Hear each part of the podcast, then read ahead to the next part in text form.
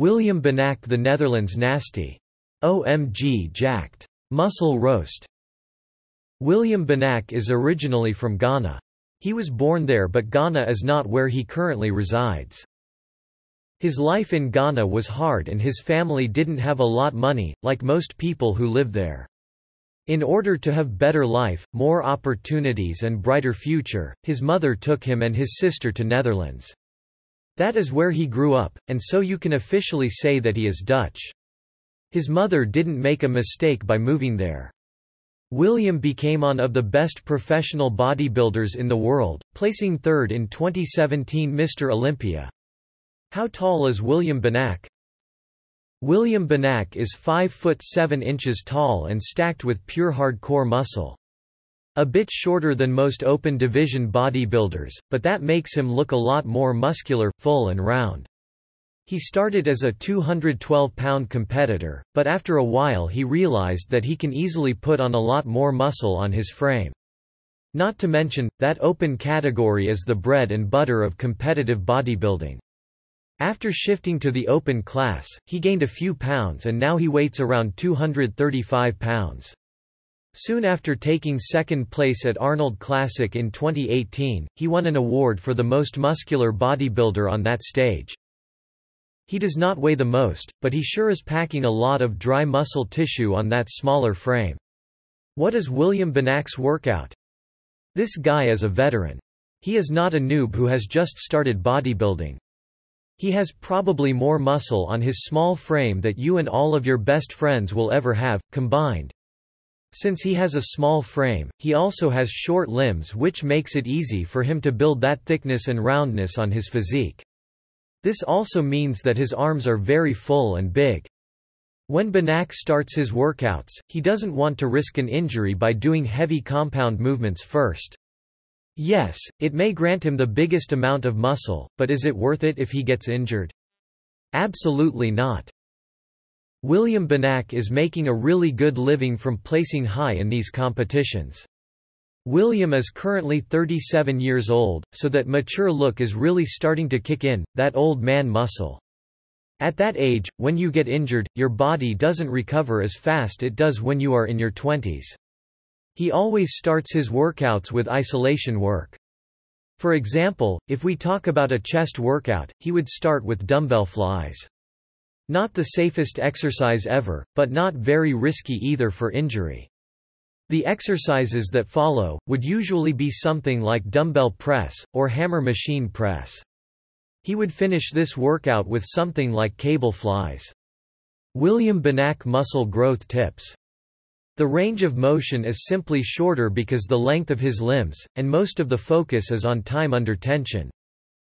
He maintains a certain tempo, and pumps as much blood into the muscle as possible. William typically, the weight that makes his muscle get close to failure on 10 to 12 reps. He does not go to failure on every set. His workouts are not huge on volume, they are pretty intense but it is not heavy-duty type of training. He would do three to four working sets per exercise, and get pretty close to failure on each one of them. The frequency of his workouts is on the low end. William works out every body party once a week. He usually has three off days every week, because he is a big believer in recovery as one of the most important factors for building muscle. His weakest body part were his legs for a long time, but that is not the case anymore.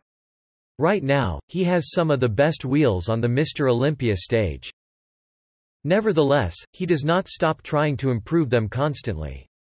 His favorite leg exercises are front squats. He says that it makes him use less of the lower back and helps him focus more on quads. William's strong and weak body parts. The biggest weakness today is the lack of shoulder wideness, that is something you cannot change with training, it's simply genetics. I guess you could say that he makes up for the shoulders with his arm development, since his biceps are some of the best in the world right now. He does not have a separate arm day, because his short arms get big easily, simply by training back and chest. He usually finishes these workouts with bicep and tricep workouts, and trains with a lot of volume and less intensity. All arm exercises are isolation exercises. A little volume arm workout is just icing on the cake. His back is actually one of his strongest points, especially during his back double bicep shot.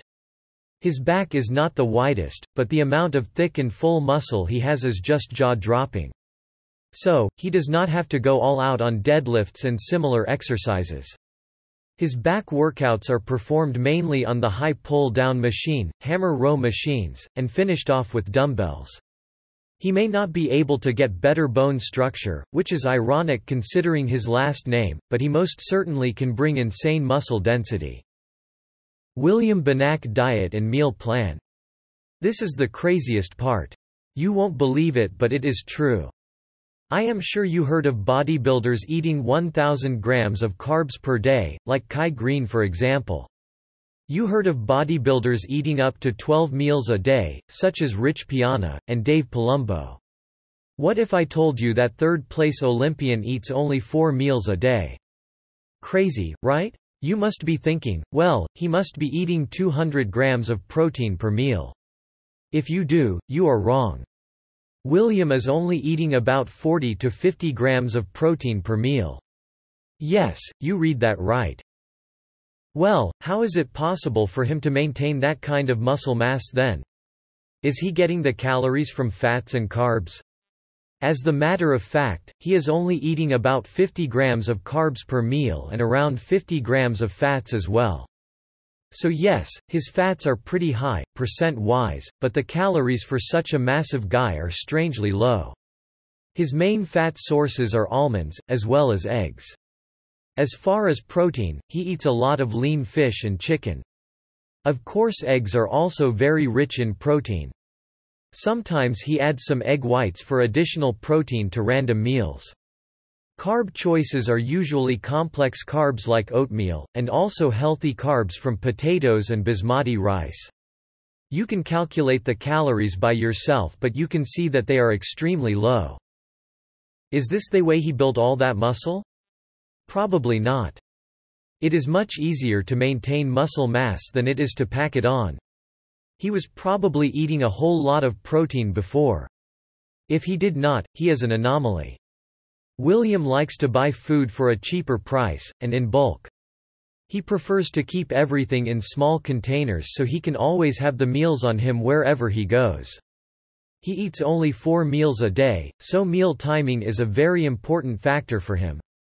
William Bonac Competitive Carrier William has been competing for a long time.